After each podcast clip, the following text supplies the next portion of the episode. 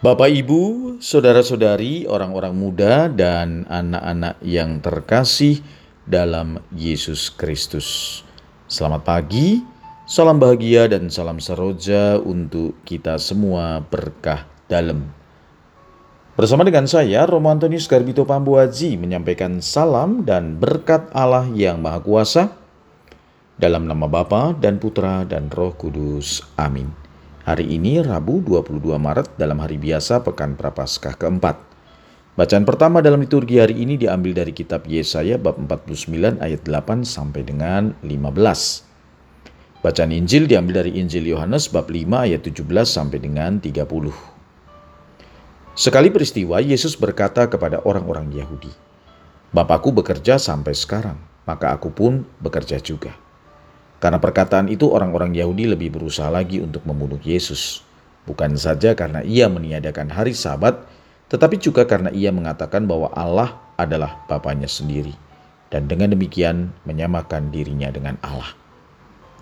Maka Yesus menjawab mereka, Aku berkata kepadamu, Sesungguhnya anak tidak dapat mengerjakan sesuatu dari dirinya sendiri jikalau ia tidak melihat Bapa mengerjakannya. Sebab apa yang dikerjakan Bapa itu juga yang dikerjakan anak.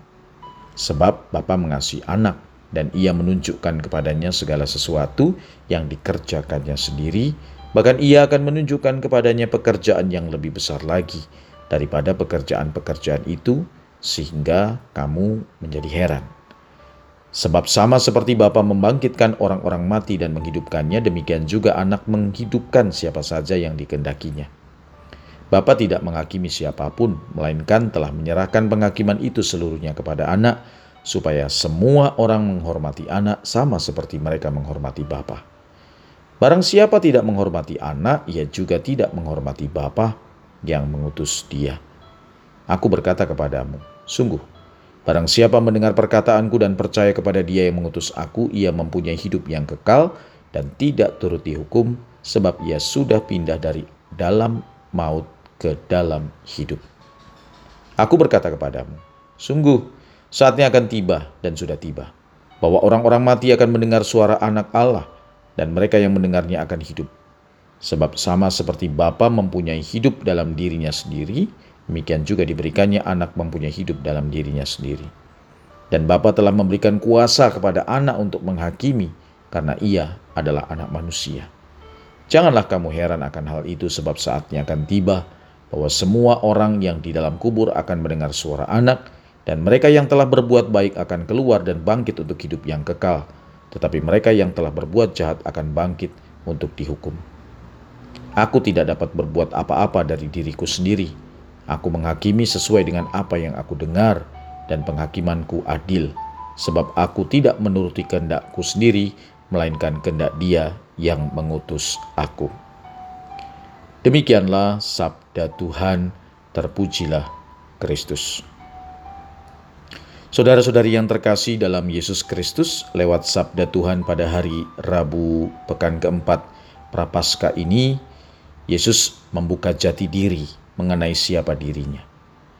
Orang-orang Farisi, ahli-ahli Taurat, dan semua orang Israel hanya mengandalkan satu sumber, yakni Kitab Taurat, yang terdiri dari lima buku: Kejadian, Keluaran, Imamat, Bilangan, dan Ulangan. Kelima kitab ini sumbernya dari Allah, diturunkan lewat Musa. Kitab Taurat sudah terdapat tambahan aturan yang dibuat oleh para pemimpin agama Yahudi. Sementara Yesus menerima langsung dari Allah. Maka kita melihat bahwa Yesus tidak berkata seperti para nabi atau Musa yang sangat dihormati oleh orang-orang Israel. Para nabi termasuk Musa berkata, "Dengarlah hai Israel, Beginilah firman Tuhan. Sedangkan Yesus berkata, "Aku berkata kepadamu." Artinya, Yesus memiliki wewenang dan kuasa yang sama dengan Allah. Sebagai pribadi yang memiliki wewenang dan kuasa yang sama dengan Allah, membuat Yesus mampu melakukan apa saja. Yesus pun tidak melanggar hari Sabat dengan menyembuhkan orang sakit, apalagi yang sakit selama 38 tahun tidak membuat Allah marah. Yang tidak diperbolehkan pada hari Sabat adalah melakukan kejahatan, sedangkan pekerjaan untuk menyelamatkan umat manusia tidak pernah berhenti. Allah tidak pernah berhenti bekerja untuk menjaga dan menyelamatkan manusia. Justru sebaliknya, jikalau Allah berhenti bekerja, maka keselamatan manusia terancam. Saudara-saudari, kita memang tidak dapat bekerja seperti Yesus, membuat mujizat dengan menyembuhkan secara langsung. Tetapi setiap pekerjaan baik dan benar yang kita lakukan dengan tulus, kita telah melakukan pekerjaan Allah. Terutama di masa prapaskah ini, yang dikendaki oleh Allah ialah belas kasihan, dan bukan persembahan. Marilah kita berdoa. Ya Allah, terimalah apa yang menjadi belas kasih dan permohonan kami. Terima kasih atas rahmat yang selalu Engkau berikan untuk kami. Semoga kami semakin hari dapat merasakan belas kasih dan kerahimanmu dengan tekun berbuat baik dan benar kepada sesama kami. Berkat Allah yang Maha Kuasa dalam nama Bapa dan Putra dan Roh Kudus. Amin.